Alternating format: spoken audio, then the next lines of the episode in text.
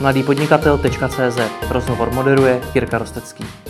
Partnerem podcastu je ShopTet, který nabízí pronájem e-shopu. Na pár kliknutí tak můžete spustit vlastně internetový obchod a prodávat. www.shoptet.cz Podnikatel a konzultant v oblasti digitalizace Filip Římelka. Vítej zpátky, ahoj. Čau.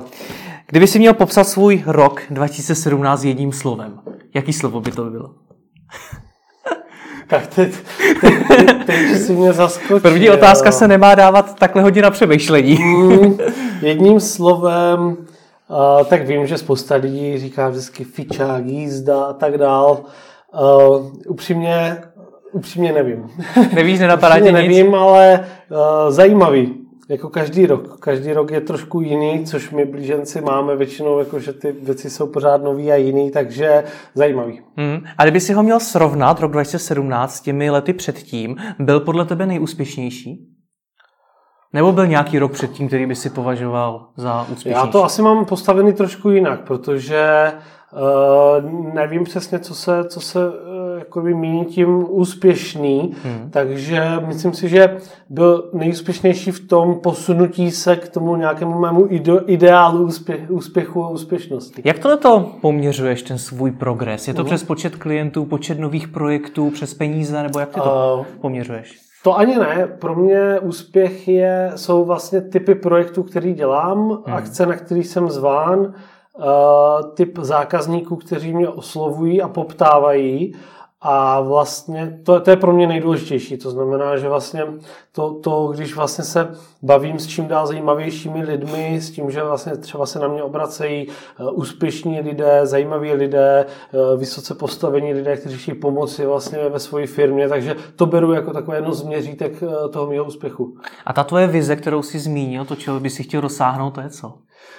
tak to je vlastně vlastně to, to, to že v té oblasti digitalizace uh, se ty věci neustále mění. Uh, spousta věcí je vlastně úplně nových, takže hmm. ta moje dlouhodobá vize je vlastně stát se uh, opravdu tou uznávanou autoritou, která bude firmám pomáhat v oblasti digitální transformace, to znamená ve změně do toho digitálního světa. Takže to je ta moje vize a konkrétně, i když by se to možná mělo ten cíl specifikovat, tak to, tak to specifikovaný nemám. A kdy jsi ten cíl určil?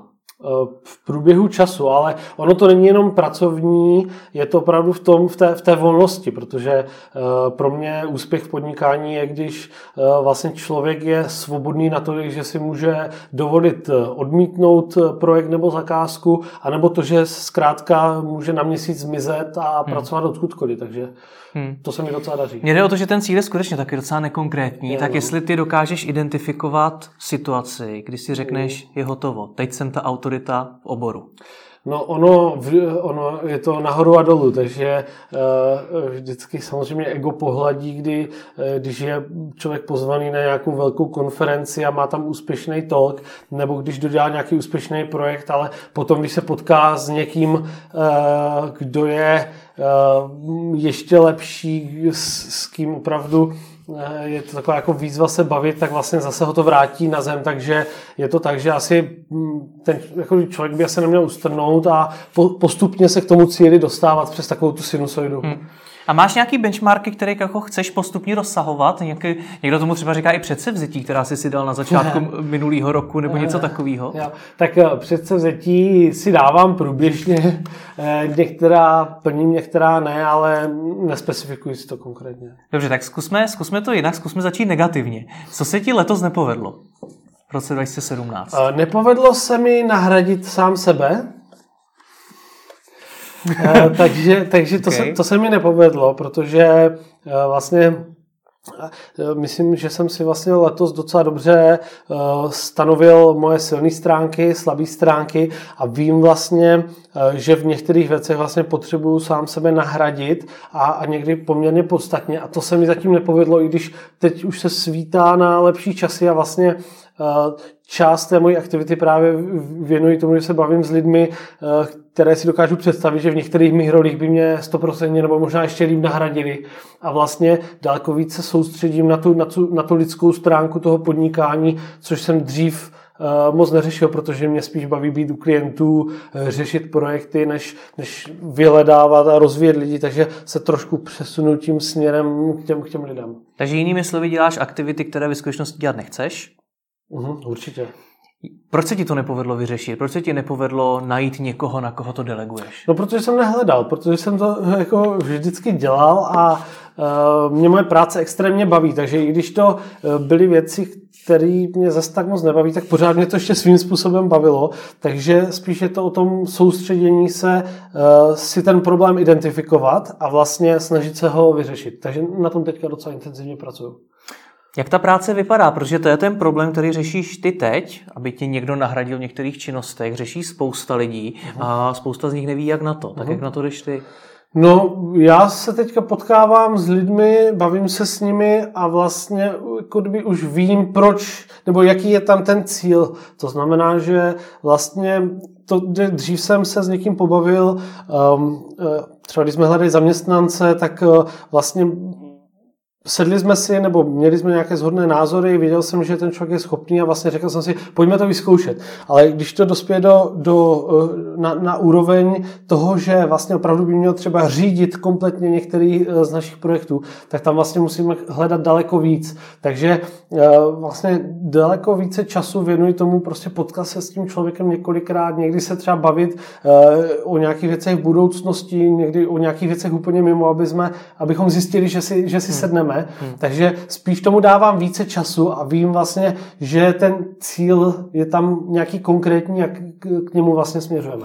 A nedostáváš se do situace, které se taky dostane řada hmm. lidí na tvém místě, že hledají vlastně sebe sama, že hledají svoji kopii, kterou jen tak samozřejmě no, nenajdou. No určitě, tak já to, já to já přiznávám, že to moc neumím a vlastně upřímně mě vlastně ani moc nějaký management a řízení lidí vlastně mě ani moc nebaví, takže, hmm. uh, takže si uvědomím, uvědomuji, že vlastně v tom nejsem moc dobrý a snažím se mít otevřenou mysl, ale díky, díky tomu, že mám eh, kolem sebe lidi, kteří právě jsou spíše zaměření na ten management, hmm. Eh, jako jeden z mých třeba obchodních partnerů, eh, tak se ty věci učím. Hmm. Snažím se učit. No a jaký je pro tebe ustoupit z těch nároků, které máš. Protože když někdo bude dělat práci za tebe, tak ji dost možná nebude dělat tak dobře, jako by si ji udělal sám. Je to, je to těžké, eh, ale samozřejmě uvědomuji si, že to je jenom takový přelud, že člověk eh, jako si myslí, že dělá všechno nejlíp. Ale jak říkám, učím se to. Hmm. A ještě poslední věc, která mě k tomu zajímá, jak se to učíš? Jak se tohle to dá naučit? No určitě... Je to pokus omyl, nebo na to třeba máš někoho, kdo ti s tím pomáhá? No, částečně je to pokus omyl, částečně si to uvědomovat. Mm-hmm. To znamená, že um, mám i vlastně nastavený takový systém, kdy uh, ty otázky, které si uh, kladu, tak vlastně mi automatický reminder připomíná. Jo? Protože on je mhm. strašně jednoduchý člověk, třeba má nějaké takové to uvědomění si, než ty jo, to, tohle bych měl řešit, neřeším to, uvědomí si to, je to takový ten moment osvícení. Ale pak ta uh, práce a operativa a, a ten biznis a všechno to vlastně zase trošku zakryje, takže je dobré si ty věci připomínat. A samozřejmě tím, že se stýkám s lidmi, kteří tady v tomto jsou hodně dobří, tak vlastně se snažím od nich učit. A jak se ti daří kombinovat ty technologie mhm. versus lidi? Kolik té práce se ti daří svým způsobem delegovat na ty technologie a kolik na skuteční lidi? Hodně a, a ono to není jenom o, o, o delegování samozřejmě, ale je to, um, je to i třeba o takové věci, jako jsou třeba videoschůzky, videohovory, hmm. kde je to absolutně podceňovaná věc. Je to, není to o technologii už dneska. Ty technologie jsou Hangout, Skype for Business, eh, Appear In, ale je to spíš o té kulturní změně a vlastně eh, to je i třeba jedna z mých ambicí do příštího roku. Vlastně více těch svých um, klientů, zvláště z, z řad korporátů, vlastně eh, dostat k tomu, že opravdu se budeme snažit obě strany pracovat efektivně a ty technologie využívat. Takže my ve firmě toto využíváme běžně, eh, Slack, Appear In a snažíme se komunikovat opravdu produktivně, ale třeba když se bavíme s svými konzultačními eh, zákazníky nebo tam, kde poskytujeme vzdělávání, tak tam to zase tak moc nejde. Takže jedna z těch mých ambicí do příštího roku je vlastně víc ty, ty, ty firmy a zákazníky zákazníky dostat uh, do toho, aby opravdu ty technologie využívali. No a nestrácí se tam takový ten lidský kontakt, když budete všechno řešit na dálku přes Slack, přes uh, Hangouts a podobně? No, až budeme řešit to, že se ztrácí lidský kontakt, tak to bude dobrý, ale já potřebuji nejdřív dostat tomu, že aspoň část budeme řešit hmm. uh, právě třeba formou těch videohovorů. Takže uh, opravdu ten já pracuji pro velký klienty a ten korporátní svět je eh, v tomto hodně specifický, kde opravdu je to velký problém a často třeba lidi používají, aby si se mnou mohli zavolat přes eh, eh, nějaký videohovor, tak musí použít třeba soukromé zařízení, hmm. takže je to pro ně komplikované. Takže já budu rád, když se dostaneme do toho, že třeba 50% schůzek budu moci realizovat online, protože i, i tím, že člověk jezdí, ztrácí čas, spaluje benzín nebo cokoliv dalšího, hmm. takže uh, budu rád, když se to aspoň trošku posune a ten lidský kontakt ten pořád bude, chodím na konference, stýkám se s těmi lidmi, takže, takže myslím si, že nezmizí nikdy úplně. Já jsem tě dřív znal jako velkého propagátora virtuálních asistentek hmm. a teď eh, od tebe slyším, že hledáš lidi, kteří tě nahradí na některých hmm. činnostech. Hmm. Možná mi z toho trošku vyplývá, jestli tě ty virtuální asistentky nesklamaly, nebo jestli si tam nenarazila nějaký strop, kde už nedávají smysl a je potřeba toho člověka mít fyzicky u sebe. No tak já mám teďka vlastně svoji asistentku zaměstnanou ve firmě, takže bez, bez toho, aby se dokázal představit. Ale virtuální život. teda už nemáš. Ne, ne, i když tím, že pořád cestuju, tak je vlastně trošku virtuální, protože se moc v kanceláři nepotkáváme. Um, ale uh, samozřejmě uh, ta role asistentky je vhodná na určitý úkoly. Uh, research, vyhledávání informací, domluvání schůzek, uh, zařizování věcí, uh, operativa ale já spíš hledám opravdu lidi na ten management, řízení, eh, eh, product management, marketing a tak dále. Takže hmm. tam je to opravdu spíš o konkrétních rolích. Jak si určuješ ty aktivity, kterým se ty sám budeš věnovat? Je to jenom hmm. podle toho, co tě baví, nebo je tam vstupuje tak, víc faktorů? No, vstupuje tam určitě faktor nějaké obchodní příležitosti. Hmm. Takže tím, že vlastně my jsme spouštěli nový projekt DigiSkills, tak tam je to jasné, že jsou tam jako jasně eh, dané věci, projekty, aktivity, které by se měly dělat.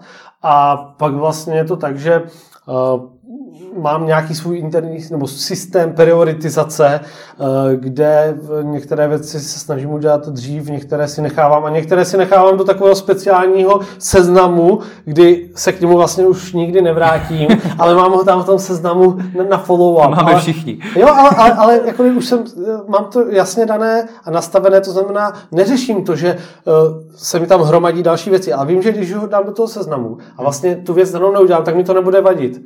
Takže opravdu jako i tím se vlastně přirozeně uh, ty, ty úkoly pročistí a zůstane to, co je opravdu důležité. No a, na, a co je tedy důležité u tebe? Jak poznáš, že to je, to je fakt velká priorita? Protože někdy je to takový mezi. Uh-huh. Uh, samozřejmě chápu, že jsou úkoly, které hoří a je potřeba je udělat i hned, uh-huh. ale pak jsou takové ty věci do budoucna. Určitě. Tak uh, já se snažím využívat takovou tu uh, jednoduchou matici Uh, uh, urgentní versus důležité. Jo? To znamená, máš důležité, uh, méně důležité, urgentní a neurgentní. A vlastně méně důležité a neurgentní, tak ty bys vlastně neměl dělat vůbec a pak vlastně si rozdělit ty úkoly mezi eh, urgentní a důležité, které musíš udělat, ale mezi ty neurgentní a důležité, to jsou ty strategické. Takže taková jednoduchá matice a pak můžu nazdílet nějaký odkaz a pak samozřejmě, eh, když, když člověk plánuje, tak eh, strategicky má nějaké cíle, které, které se snaží dosáhnout. Takže z dlouhodobého hlediska, pak střednědobého, no a mezi tím miliarda dalších věcí, hmm. které člověk prostě musí řešit. Rozumím.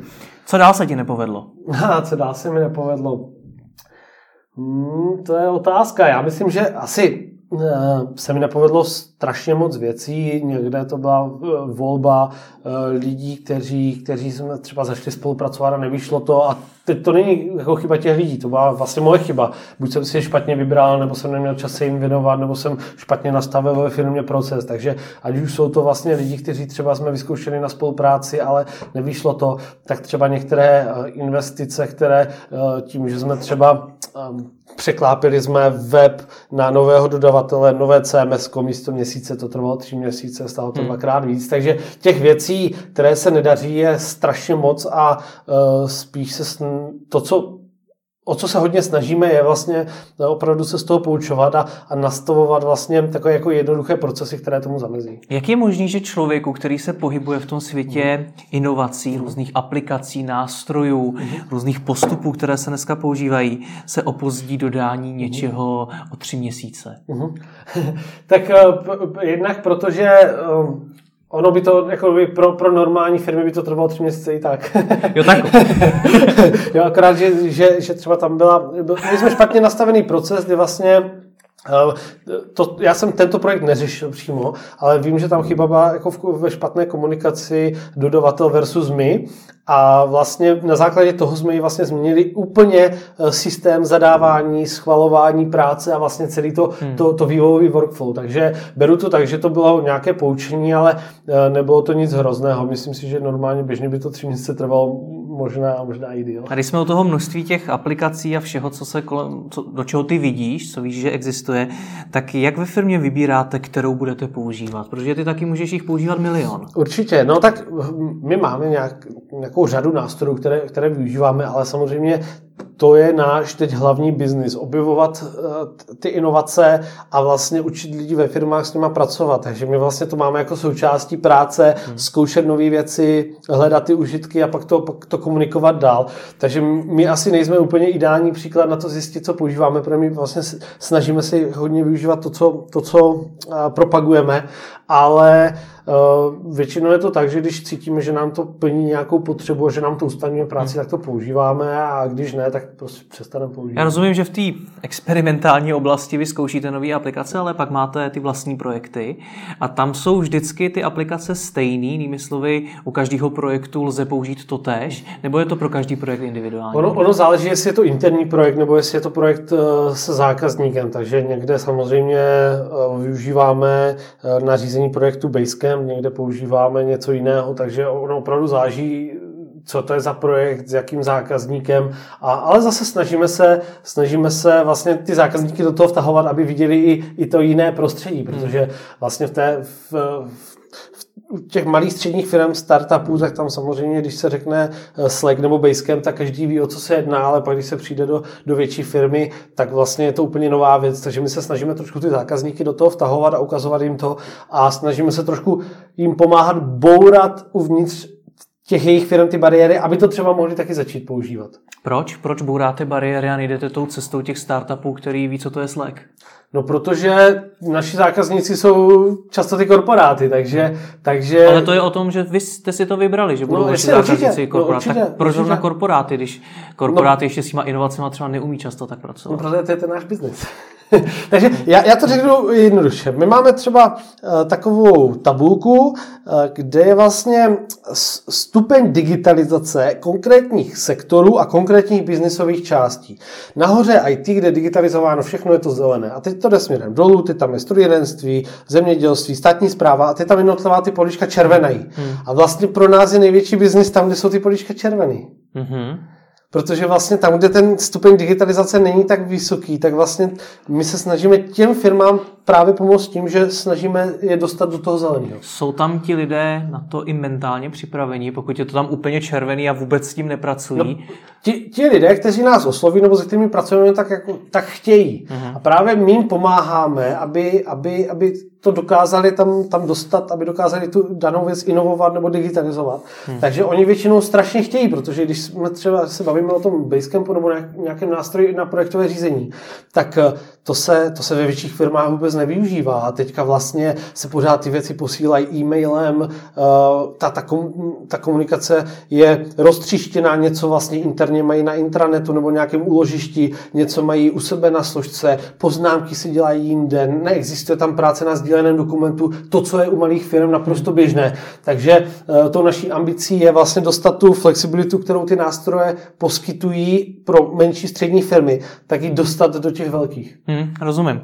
Další fail tvůj, o kterým vím, je, že jsi chtěl napsat knihu a nenapsal si. Ale už na tom pracuju. už na tom pracuju a to je docela zajímavý, protože vlastně mám takový, mám takový termín, kdy, a já o tom moc nemůžu mluvit, ale chystá se taková jako hodně, hodně, hodně, hodně zajímavá akce a já mám možnost vlastně tam tu knížku představit. Takže teď mám konečně termín a vlastně teďka se chci měsíc, eh, když budu strávit eh, Vánoce v teple, tak se tomu věnovat. Hmm. A já jsem se teď docela dost věnoval eh, i tomu vlastně nějaké oponentuře a tomu, jak by ta kniha měla vypadat, protože člověk si pod knihou představí vlastně knížku, spousta textu, ale mně se pak dostalo do ruky jako strašně zajímavé formáty, menší, obrázkovější, takže vlastně jsem se trošku otevřel tomu a spíš se snažím pracovat s tím, že vlastně dávám dohromady ty, ty informace a spíš koketuju s tím, jak vlastně ten výsledný formát bude eh, vypadat, což bude mít i vliv na tu náročnost toho finálního zpracování, takže hmm. pracuji na tom. No a co z toho plyne, že si tu knížku ještě do teďka nenapsal? Že potřebuješ termíny? Že potřebuješ prostě určitě. mít za sebou ten no, Já určitě potřebuju, protože eh, já podávám nejlepší výkony těžce pod tlakem eh, a asi jako spousta dalších lidí, ale spíš vlastně, jak jsem říkal, byla to věc, která je sice jako ani jako upřímně není až tak moc důležitá uh,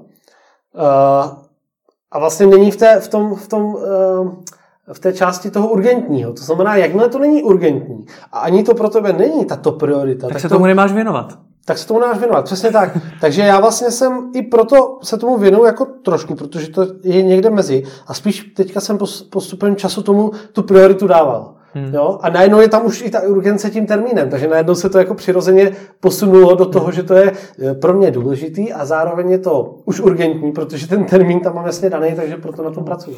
Proč potřebuješ psát knihu? Když jsem se bavil s několika specialistama, kteří napsali, tak mi na to řekli, hele, moc bohatnout se na tom nedá. No, nedá. Klienty dokážeme sehnat jo. i jinak, brando, mm-hmm. brandově se taky posunuje. Jak tak proč píšeš knihu? Um, já se uh, mimo jiné věnuji a to víš, přednášení a e, to, co dělám v poslední době hodně často je, že vlastně ve firmách vedu workshopy pro top management, pro board nebo pro celofirmní vlastně e, setkání. A vlastně mám takovou e, svoji vizi a, a vlastně vizi digitální transformace. Mám tam udělanou takovou, myslím si, že docela zajímavou metodiku nebo framework a vlastně tu prezentaci svoji neustále vlastně rozšiřuji. A vlastně teď ta moje, řekněme, klíčová prezentace, je to asi zhruba dvouhodinový workshop, mám tam asi 211 slajdů, ty mě znáš, tak víš. Ty jich máš často hodně, no. no. takže mám problémy trošku se slajdama, ale vlastně tím, že to dělám relativně často, tak si myslím, že to mám hodně vyšperkovaný. Že opravdu jako to dává smysl, je tam spousta zajímavých příběhů a mám na to skvělý feedback. A vlastně to, co já chci zkusit, je, jestli to bude fungovat i bez mě.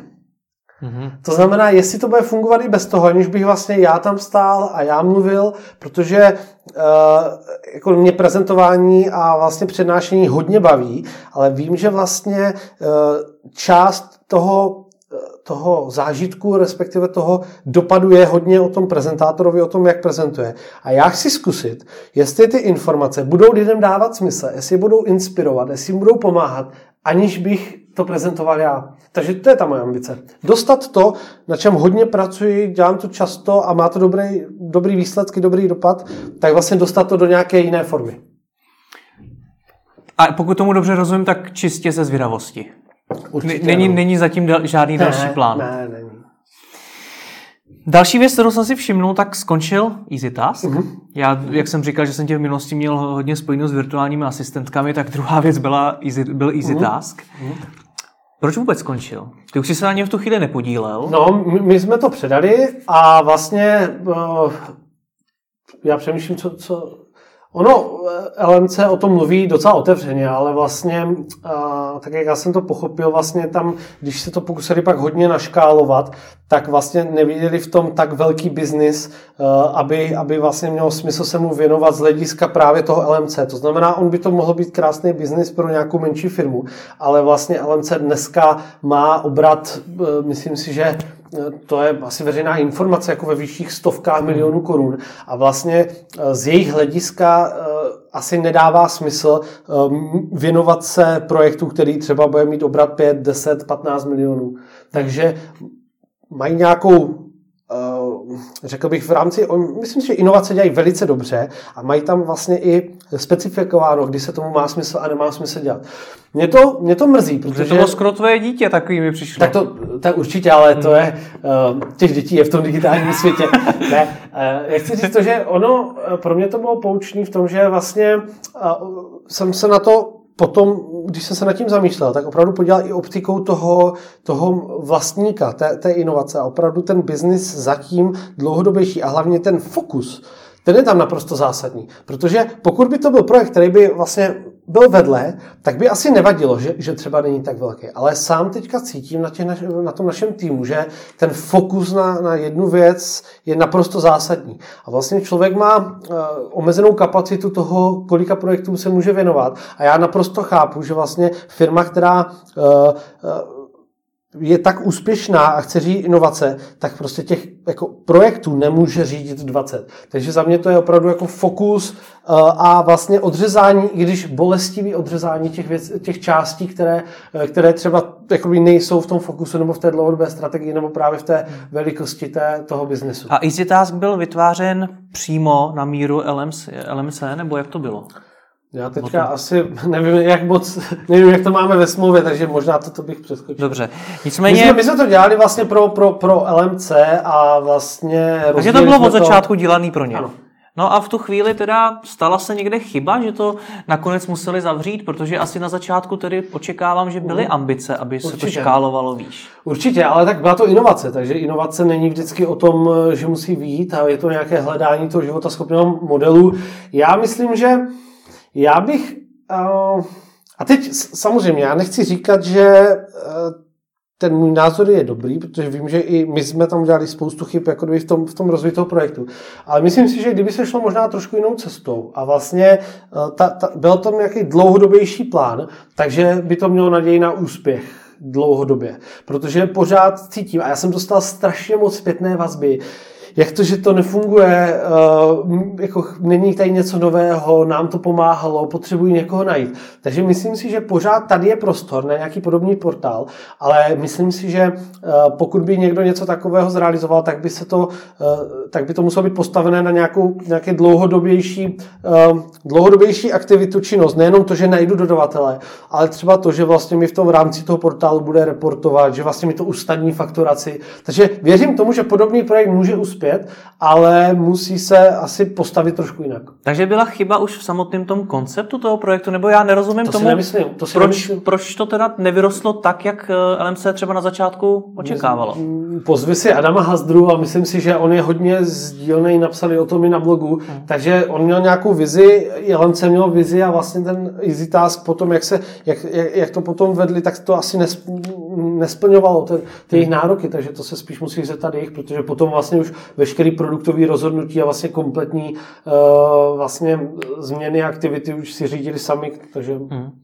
Ovlivnilo to podle tebe nějak tvoji pověst, tvůj brand, protože na jednu stránku chceš být v tom oboru digitálních inovací autorita, uh-huh. jak jsi sám uh-huh. říkal, uh-huh. a na druhou stránku jeden z největších projektů, nebo jeden z projektů, se kterými jsi byl nejvíce spojován, uh-huh. se najednou v podstatě ze dne na den zavře. Mm, myslím si, že ani ne, protože pro mě opravdu ty, ty inovace, jako pokud se někdo inovovat, takže to bude vždycky 100% úspěšný, tak to, to si myslím, že nebude pak úspěšný nikdy. A, ale spíš to bylo zase nějaké poučení o tom, jak třeba uh, by měly ty větší firmy přistupovat k těm inovacím zvenku. Jo? Protože jedna z věcí, která vlastně uh, která nás poučila, myslím si, že to byl jeden z prvních takových těch projektů řešený jako korporace a startup, tak vlastně hodně eh, nás to naučilo v tom, jak je potřeba přistupovat k té nějaké interní podpoře, jestli je potřeba tam mít dedikovaného člověka od začátku nebo ne. Hmm. Takže myslím si, že jsme se na tom obě strany hodně, hodně poučili a my se jako máme výborný vztah s LMC, takže, hmm. uh, takže to nevidíme jako nějakou, nějakou katastrofu. Dokážeš říct i třeba na příkladu Easy Tasku, co odlišuje ty inovace, které přežijou od těch, které nepřežijou? Eh, myslím si, že to je schopnost se adaptovat tomu, těm, těm změnám a tomu, když se vlastně ten projekt staví, tak na začátku mít možnost ho poměrně jako rychle měnit. Hmm. A když se bavíme o těch inovacích pro korporace, tak je to mít od začátku jasný, jasnou strategii toho, eh, v jakém momentu to pak přejde pod tu firmu, případně jak to bude vlastně supportovaný tou firmou a jak tam ta spolupráce bude fungovat vlastně od začátku. Jo? Že vlastně hmm. mít opravdu ten plán toho, že nemít to jenom tak, že tady se založí a uvidíme, co s tím, hmm. a naopak vlastně mít tu strategii jasně danou a to, to jestli ten startup pak bude vypadat tak nebo tak, jestli ta inovace bude vlevo nebo vpravo, to už je celkem jedno. Hmm. To, co ale chci říct, je, že eh, samozřejmě je to velký trend stavět startupy nebo stavět inovace vedle, ale já vnímám daleko důležitější věc a to je to, aby vlastně ta firma byl, si byla schopna to stavět uvnitř, protože upřímně já u spousty zákazníků slychávám naprosto parádní nápady a vlastně ti lidé vědí v těch firmách, co by se mělo dělat. Akorát vlastně ta korporace není nastavená tak, aby to těm lidem umožnila, aby jim dala tu důvěru a aby vlastně mohli ty projekty postavit podle toho, jaké jsou trendy, podle toho, co zákazníci chtějí, aby vlastně to uměli tu službu nadizajnovat. Takže já spíš teď se věnuju tomu, než aby firma si řekla, hele dobře, a teď tady dáme někomu 10 milionů, nám postaví inovaci. Tak vlastně to, to, co mě strašně zajímá, je, jak vytvořit v těch firmách to prostředí, že ti lidé, ti zaměstnanci dostanou tu možnost to postavit interně anebo sami odřídit. To znamená, ne, že to bude vedle se stavět, ale naopak, že vlastně ta organizace se stane natolik agilní a natolik vlastně technologicky schopnou a, a připravenou a znalostně schopnou, že ty inovace bude moct opravdu realizovat uvnitř. A mají na to ti lidé kvalifikaci, protože to jsou lidé, kteří v té korporaci pravděpodobně nikdy žádnou takovou inovaci nerozjížděli. Uh, Možná nemají, ale jsou strašně chytří a spousta těch našich klientů jsou strašně aktivní a, a schopní. Takže je to o, o té potřebě a i to je vlastně důvod, proč jsme stavili DigiSkills aby se to naučili, aby se inspirovali, aby se naučili nějakým základním principům human center designu, agilní organizace, aby, vě, aby znali ten svět technologií hmm. a vlastně byli, eh, tu, tu schopnost, tu, tu capability toho uh, designovat digitální produkty, služby, inovovat vlastně získali. Hmm. Jo, takže tak, jak dřív byla schopnost se učit soft skills, tak dneska my vnímáme, že aby ta firma měla tu, tu schopnost projít tu digitální transformací, tak je právě potřeba vzdělávat se v, tom digi- v těch digitálních dovednostech. Mm-hmm. Vysvětli, co to je to DigiSkills? Uh, DigiSkills je uh, portál, první microlearningový portál v Česku, který je zaměřen primárně na vytváření microlearningových, to znamená extrémně krátkých videí zaměřených na digitální svět. Takže vlastně je to, uh, je to v současné době web, od ledna i mobilní aplikace a chatbot, který ti vlastně pomůže uh, získat informace o technologických trendech, který tě naučí pracovat s technologiemi a který ti vlastně uh, bude pomáhat objevovat ten svět digitalizace a orientovat se v něm a využívat to ke své práci. Jak ti to napadlo tohle? Je to, je to tvůj nápad, DigiSkills? Uh, tak trošku. um, tak uh, je, je, to, je to můj nápad, ale samozřejmě podílí se na tom celý tým a vlastně on to není ani můj nápad, to je vlastně reakce na, na poptávku a na to, co se ve světě děje a co se děje u našich zákazníků. My jenom vlastně děláme to, že tam, kde cítíme tu potřebu, kde vlastně dneska ta digitalizace je eh, top prioritou skoro u všech našich zákazníků, ale právě je tam ten obrovský gap mezi tím, jak vlastně ta firma chce v budoucnu vypadat a tam, kde vlastně jsou znalostně eh, ti, ti lidé. To znamená, že vlastně neumí využívat technologie, neumí eh, pracovat, neznají ani ty věci. A teďka vlastně to, co my jim ukazujeme, jsou ty nejlepší příklady z toho digitálního světa. A já řeknu, já řeknu příklad. Jeden z našich zákazníků, my spolupracujeme asi se třemi bankami, takže já nebudu jmenovat, ale vlastně eh, řešili jsme projekt, v rámci kterého se naťuklo téma eh, Personal Finance Management, to znamená, jaká aplikace by pomohla lidem zpravovat finance. A já jsem, tam asi 20 lidí na tom meetingu, kde jsme to řešili a já jsem se ptal, kdo z vás nějaký Personal Finance Management využívá? Hmm. Nikdo. Takže otázka je, jak může firma vytvořit něco, co sami lidé nevyužívají.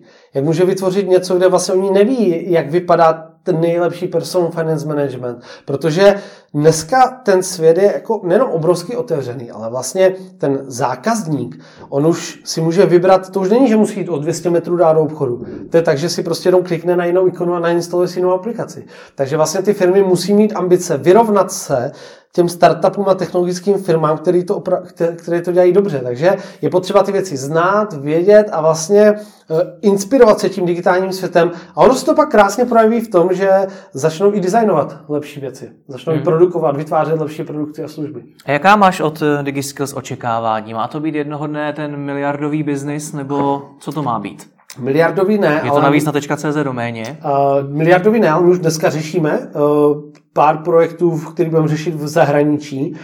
A vlastně ta ambice je tam hodně velká. Miliardový asi ne, 100 milionový myslím si, že určitě, protože jednak vlastně je tam obrovský potenciál v tom samotném obsahu, který my tvoříme, a to mezinárodně. A jednak vlastně to, co my děláme, je, že uh, ještě předěláváme do toho obsah eh, vzdělávání, které se dělá prezenčně v těch firmách právě do podoby toho microlearningu. To znamená, jedna ta větev jsou ty, ty, ty kurzy, které děláme, které jsou k dispozici pro všechny. Druhá část jsou vlastně předělávání obsahu, které ty firmy mají. A to může být návod na jejich vlastní aplikaci, jo, kde vlastně my děláme vzdělávací videa, aby, aby jejich zákazníci nebo zaměstnanci to měli využívat. Nebo to, když si vlastně sami dělají kurzy, když si dělají BOS, nebo když si dělají nějaký kurz firemní kultury, tak vlastně jim to předěláváme do, do uh, microlearningu. A potom máme třetí větev a to je ta mobilní aplikace, která bude první, myslím si, že opravdu jako top uh, aplikace na vzdělávání tady v tom regionu CEE a i třeba ten náš chat bude poměrně, poměrně specifický, takže chceme jít i tou cestou technologií, jednak obsah, jednak technologie a ta ambice je tam hodně velká. Je to krásný, když se to takhle poslouchá. Co udělat pro to, aby se tam neopakoval příběh Easy Tasku? Aby to taky nepohořelo. Hmm, v tomto případě je to jednoduchý, tak je to, je to, je to náš produkt, takže vlastně uh, si ho měníme tak, jak chceme my a vlastně uh, myslím si, že uh, pokud to nepokazíme, tak se to povede. A na čem si myslíš, že by se to mohlo pokazit? Nebo vidíš nějaký fakt jako velký výzvy, který budete muset zvládnout, jako například naučit ty lidi? se znám. ne, ne, je jich strašně moc. Důležitý, důležitá je ta prioritizace. Hmm. A vlastně zase ten fokus, jo, protože je tam strašně moc možností a to, co musíme teďka řešit, je vlastně um, nezapomenout na to, že vlastně z hlediska nějaké škálovatelnosti a dlouhodobého rozvoje potřebujeme hlavně zkvalitňovat ty naše eh, kurzy, ten náš obsah a teprve potom dělat ten obsah na míru, to znamená řídit to nějak tak, aby vlastně jsme si za vidinou rychlého keše spíš jako doby nezavřeli dveře k tomu dlouhodobému rozvoji. Takže za mě je to 100% fokus a 100% je to rozvoj partnerství a vlastně propojení, protože eh, máme, vlastně získali jsme zajímavého strategického investora a vlastně máme tam spoustu synergií, takže vy, za mě to fokus a využívání těch synergií, které, které tam v té skupině máme. Mluvíš o tom fokusu, před chvílí si u LMC říkal, že rozumíš tomu, jak dobrý je fokusovat se na jednu věc a už tady zmiňujeme, že vy děláte několik projektů. Uh-huh. Tak proč? Proč nemáte taky jeden projekt, který mu se fakt věnujete na No on, on to je jeden projekt a vlastně my tam ty větve chceme mít, jo? to je ta naše ambice. Ale nabízíte ještě řadu dalších služeb a máte toho poměrně no, hodně. Jsou to, tři, jsou to vlastně tři, tři hlavní větve. Jo? Obsah microlearningových digitálních dovedností a trendů a inovací. Pak je to ten custom obsah, který děláme a pak je to ta technologie. To znamená, že si ve firmě můžeš vzít naši aplikaci a můžeš si tam do ní dávat na, jako svůj obsah. Hmm. A vlastně tyto tři větve nebo nohy toho našeho biznisu chceme rozvíjet, ale samozřejmě tím, že uh, jsme relativně nově na trhu s tímto, tak my potřebujeme pořád ještě zjišťovat, kde je vlastně ten potenciál a jak to vlastně bude vypadat, protože my nevíme, je možný, že za rok třeba ty dvě větve eh, vůbec nebudeme řešit, ale vlastně bez toho, aniž bychom to dostali k zákazníkům, pracovali s nima, tak vlastně nebudeme schopni to, eh, to zjistit. Takže za mě to je fokus na tyto tři věci, a jim se věnujeme a vlastně zjišťujeme, kde jsou tam synergie, co funguje, co naopak nefunguje a snažíme se ty věci zefektivňovat. Hmm. A když jsme ještě u toho fokusu, tak eh, předtím jsme zmiňovali, že tím, jak se pohybuješ ve světě těch inovací, tak vidíš spoustu startupů, aplikací, nástrojů a dalších věcí, které jsou určitě zajímavé a třeba v Česku nefungují. Máš často nutkání rozjet nějaký nový projekt, který tady třeba tak využívaný není, nebo tady vůbec není? No jasně, že jo. Ono, já jsem slyšel jednu takovou hezkou větu, kdo si, můj známý mi říkal, bože, dej mi sílu nerozjíždět další nový produkt nebo projekt. Jo. Takže určitě a Uh, já určitě chci. Ta moje ambice je vlastně uh, mě baví ty projekty rozjíždět a vlastně myslím si, že ta moje silná stránka, kromě té konzultační větve, která jde úplně mimo DigiSkills a je to opravdu spíš taková moje osobní uh, aktivita, tak je vlastně ty věci na začátku rozjet.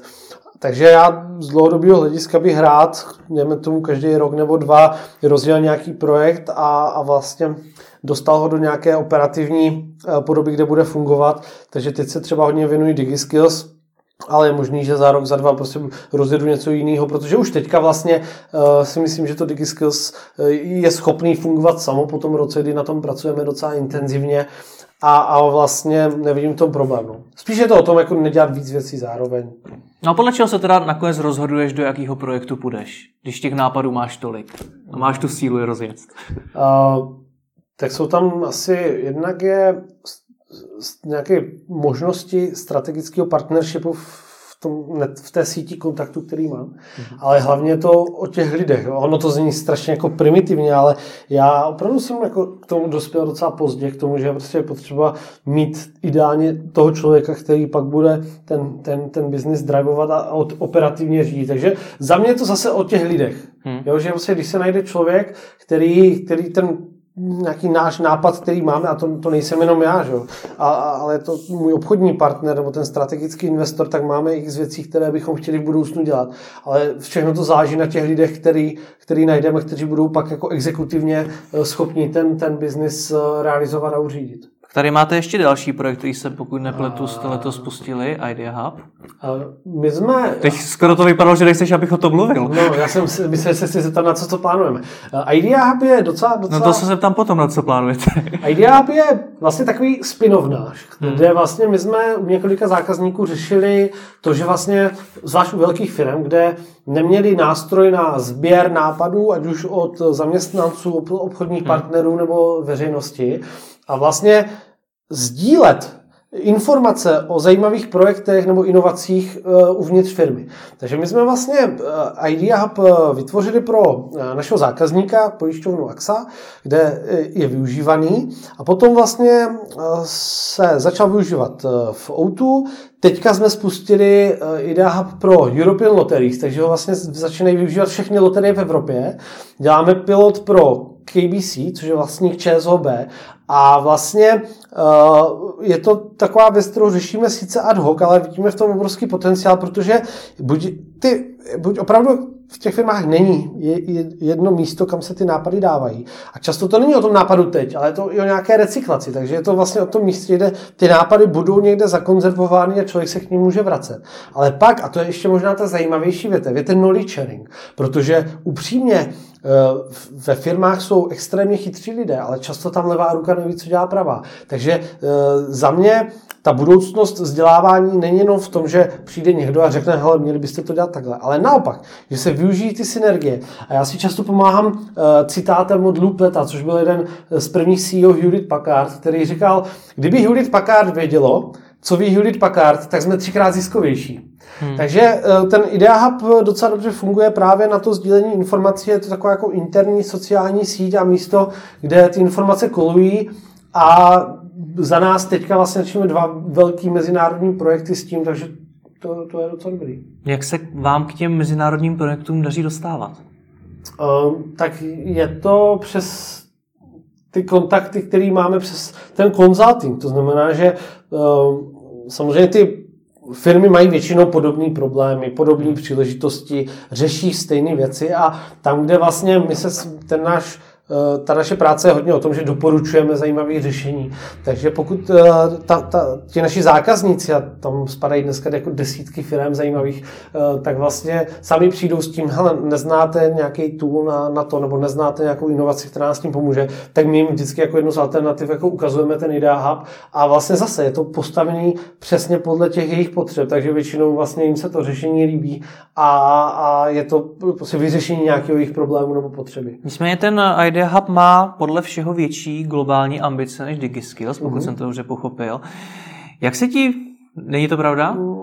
No, působilo to na mě tak. Konec konců Digiskills je na CZ doméně. Jo, uh, Celkově to na mě tak působilo. No tak ono, ono totiž ten IDA je opravdu pro velký, velký firmy. Jo? Hmm. To znamená, že ideálně, když je tam 5-10 tisíc zaměstnanců a víc, ideálně, když je tam x poboček, ideálně, když je to mezinárodní. Takže i to vlastně předurčuje, protože menší, středně velká firma může využít spoustu nástrojů, které jsou zdarma a prostě, nebo, nebo jsou nějak jinak řešený.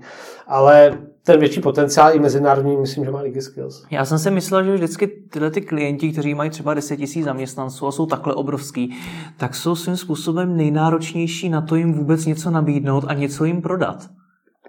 Je to, je to hmm. pravda, nebo? Hele, upřímně, upřímně, v našem případě je to asi trošku něco jiného, protože my máme, ten náš biznis je hodně vztahový. To znamená, že uh, prostě řešíme, není to tak, že bychom volali do firmy, kde se s těmi lidmi neznáme hmm. a poprvé něco představovali, museli tam nějak budovat tu důvěru. Takže my se s těmi klienty známe poměrně dobře, takže je to opravdu spíš taková kooperace, než aby to byl jednostranný sales. Hmm. Jo? Takže je to trošku jiný biznis a, a mě to vyhovuje. Já se spíš bavím o práci, než abych nějak jako extrémně vyjednával a dělal ty, sales jednání. Takže je to spíš opravdu jako corporation nebo co-collaboration. Tyhle ty kontakty, o kterých mluvíš, ty ti pomohly získat i toho strategického investora do DigiSkills? Uh, určitě. Je to jedna kontakty, je vlastně, tam se pro více věcí jde. Eh, jednak jsme se propojili biznisově přes nějaké naše vzájemné kontakty, tak vlastně eh, ten člověk mě viděl na nějaké konferenci, líbil se mu to, to, to, to jak o té jak digitalizaci přemýšlím. Takže zase bylo to vlastně úplně něco jiného, než to, že bychom se tam bavili a přidělali nějaké tabulky a plány, bylo to spíš, že jsme si sedli eh, i lidsky, měli jsme stejnou vizi, eh, stejnou strategii, viděli jsme tam obrovské synergie, takže mm, mm, to byly, vlastně můžu říct, že během dvou nebo tří schůzek jsme se domluvili. A prozradíš, jaké byly podmínky té investice? To, kolik za kolik? Mm, to, to asi nemůžu prozradit. A aspoň kdo, kdo tím investorem je? Eh, je to vlastně společnost Edua Group, uh-huh. což je vlastně v současné době největší vzdělávací skupina soukromá v Česku, kde vlastně dávají dohromady různé vzdělávací firmy. A vlastně ta, ta valuace, nemůžu říct přesnou částku, ale vlastně ta valuace po té investici se uh, teďka počítá v nižších desítkách milionů. Uh-huh. Co z tohohle toho všeho, co jsme zmínili, považuješ za největší úspěch? Jak jsem se na začátku byl na ten neúspěch, tak co z toho byl takový největší zářez? Tak jsem rád, že jsme spustili DigiSkills. Hmm. Jsem rád, že na to máme hodně dobrou zpětnou vazbu. A jsem rád, že vlastně to lidem pomáhá Eh, protože my žijeme v takové bublině, my ty nástroje známe a pracujeme s nimi, ale je strašně moc lidí, kteří vlastně vůbec nemají přehled, takže oni nám sami jako říkají, že to je fantastický a teďka začali používat nějakou aplikaci a, a pomohlo jim to.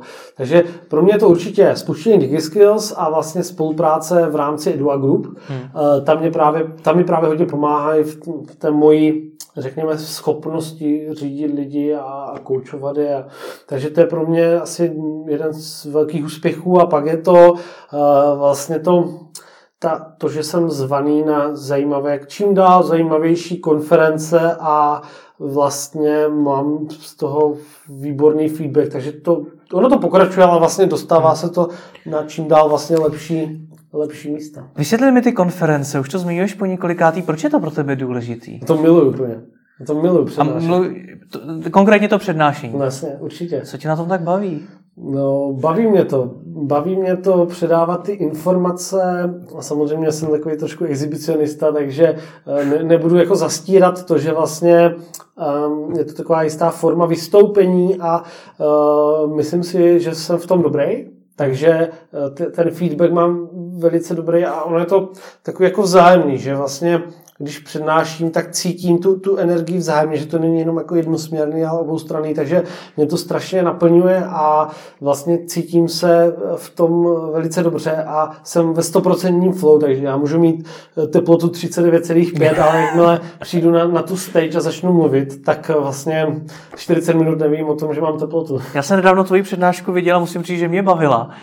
Trénuješ nějak svoje prezentační dovednosti? Nebo třeba v minulosti si trénovali jo. nějak? Uh, já myslím, že Jedna z knih, která mě hodně posunula v prezentacích, je knížka od Gajka Vasakiho Enchantment, hmm. v češtině o kouzlení. A on tam velice přesně popsal to, že tam jako nejdůležitější je opravdu to prezentovat, prezentovat, prezentovat. Takže já cítím, že s každou prezentací se člověk trošku zlepšuje a upřímně, i když vlastně mám takový jeden koncept nebo obsah, který měním podle toho, na které jsem uh, konferenci, tak vlastně myslím, že to nejlepší je, když člověk opravdu jako jede jedno téma a, a, a prostě po desáté, po patnácté, po dvacáté, protože po dvacáté ta prezentace je desetkrát lepší než ta první. Takže je tam to opakování, ať už je to, že na začátku jsem vystupoval na barkempech a škodil jsem zadarmo a vlastně jenom proto, abych to opakoval. A potom uh, se ptám hodně na feedback lidí, kteří mi dávají negativní feedback, to znamená, říkají mi, co dělám špatně, protože to mě hodně posunuje. A e, naposled jsem, když jsem měl, mě čeká velice důležitá velká prezentace, tak jsem si vzal vlastně takového kouče z Londýna, který radí jako CXO v různých věcech a to musím říct, že to byla vlastně největší pecka, no. takže tam, tam jsem mu přednášel, dával mi feedback a spolu jsme pár prezentací. No co ti řekl za největší chyby, že děláš? No, ho, hodně. A jednak, a teď nebudu, teď nebudu říkat takové ty jako formální ve smyslu občas dát pauzu, nechat dojít myšlenku, jo, protože tam se to jako postupně učím, ale spíš obsahově, že jsme vlastně hodně, jako když se bavili o tom vlastně pro koho vůbec ta přednáška je a co ten člověk řeší, protože je něco jiného. Tohle bylo opravdu pro jako CEO z velkých firm a musím říct, že vlastně tak, jak já jsem k tomu přispěl obsahu, tak vlastně on mi ukázal trošku ten jejich eh, svět opravdu těma jejich očima, takže jsme to přizpůsobili tomu, jak oni to vnímají, takže pro mě největší přínos v tom byl, eh, opravdu jako podívat se na, na, na toho, uh, toho posluchače, toho, toho hmm. diváka a vlastně snažit se co nejvíc mluvit jeho, jeho jazykem. No a Představ si, že mě třeba čeká přednáška, nejsem tak zkušený speaker jako ty. Co bys si mi z hlediska přípravy doporučil? Jak se na to mám připravit? Určitě, jako to, co já si dělám, Teď už moc ne, ale dřív jsem si dělal vlastně strukturu, takovou dramaturgii, jsem si vlastně nakreslil uh, takový čtverečky a vlastně říkal jsem si, jenom jsem si tam psal, co bude obsahem toho slajdu, hmm. aby to dávalo nějakou, nějaký příběh, nějaký smysl. To znamená, aby tam bylo na začátku nějaký zajímavý začátek, potom třeba problém, potom nakonec zhrnutí. A vlastně snažil jsem se uh, ty, poskládat hlavně tu dramaturgii, aby, aby to dávalo smysl. To je první věc. Za druhé, Eh, samozřejmě jako být autentický a já vím, že ty máš velice dobrý feedback na své přednášky, takže ta autenticita si myslím, že je naprosto zásadní, jako nesnažit se dělat prezentace jako někdo jiný, jo? dělat to jako Filip nebo jako Jirka. A třetí věc je prostě hlavně mluvit o tom, co tě baví, jo? protože potom je to, potom to vlastně není o prezentaci, je to o tom, že předáváš a, a, a ukazuješ to, co je ti blízký, jo? to, co v tom hmm srdci je eh, hodně silný a to se projeví asi nejvíc. Jak jsi mluvil o tom opakování, že je potřeba přednášet, přednášet, přednášet, tak jak dlouhá je ta cesta, než se člověk stane, řekněme, jistějším v tom přednášení? A... Ha, jako uh, upřímně, já stejně, když jdu na stage, tak jsem nervózní, hmm. když přednáším pětkrát uh, do měsíce, ať už jako ve firmách interně nebo na konferencích. Takže nevím, jestli se to dá úplně, ale nevím, asi neexistuje nějaká obecná rada, ale myslím si, že jako by člověk asi by, by z toho neměl vypadnout a že eh, je dobrý, že ty možnosti jsou, že může vystupovat, ať už je to eh, zadarmo, za peníze nebo cokoliv, tak je, možný, je důležité hlavně asi z toho, z toho nevystoupit a ty věci dělat už jenom proto, abys pak zjistil ten feedback, co se těm lidem líbilo a co ještě důležitější, naopak, co se jim nelíbilo. Hmm. Člověk může být velice jednoduše okouzlený tím, že se pak přečte na Twitteru nebo na, v nějakém blogu uh, nadšenou reakci, ale to, co je pro mě důležitější, je vlastně najít ty lidi, kteří řeknou jako, hele, ty tam řekl úplnou blbost, nebo hele, proč tak chodíš furt dokola, nebo proč říkáš pořád, nevím, jakoby. Jo? Hmm. To je příklad, ale tam, tam si myslím, že je důležité směřovat, jo? získat hmm. ten feedback. Jak jsi se předtím lekl, že se zeptám na to, co plánujete, tak je to tady. Co plánujete?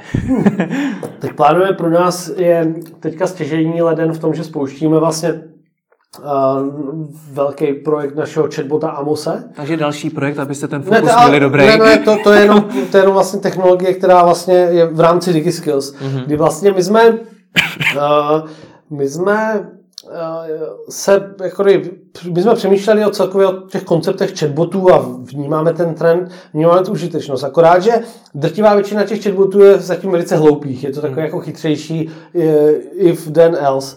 A my jsme si vlastně postavili chatbota, kde je uprostřed mezi tím chatbotem a tou inteligencí a tím uh, uživatelem je operátor náš, to znamená lidi u nás ve firmě. Takže my teď to máme nastaveno tak, že vlastně člověk něco napíše, a když ten chatbot nenajde odpověď, tak do toho stoupí člověk, zodpoví mu jménem toho chatbota a ten chatbot se to naučí. Mm-hmm. Takže vlastně eh, to je, to je jako funguje to nádherně úplně a vlastně chceme vytvořit takového automatického, automatizovaného kouče a průvodce tím vzděláváním, který se s tebou bude bavit, bude ti doporučovat videa. Ty se budeš moc zeptat, občas ti pošle nějaký vtipný giv a vlastně bude takovým tvým jako přítelem vzdělávání. Eh, v prvním čtvrtletí eh, budeme spouštět tu aplikaci mobilní. Ta je, jako kdyby ten, pak můžu ukázat prototyp, bude fakt čistěnká, jednoduchá, minimalistická, krásná.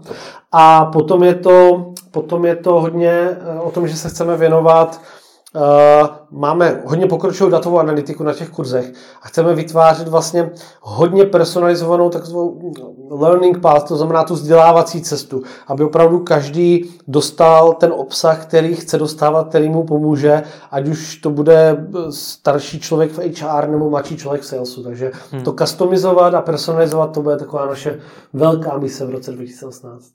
A ty sám se chceš v roce 2018 posunout kam a jak?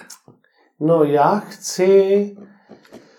Uh, Tady už nebýt, podle toho, co jsem pochopil, jak se nech, chceš jako nahradit Dejva Lidba? Ne, ale mě, mě baví vlastně uh, vytvářet ty, ty strategie a ty koncepty digitalizace pro velké firmy. A ta moje ambice je ten můj framework, který ukazuju, kterým ukazuju, co to vlastně je ta digitální transformace, hmm. tak právě dostat do podoby, ať už je to knížka, ať už je to něco jiného, kde vlastně to lidi budou moct pochopit i, i bez země. Takže to je pro mě taková hlavní ambice a aby aby to moje know-how se dostalo i mimo ten svět těch přednášek, konzultací a vlastně tam, kde jsem já osobně.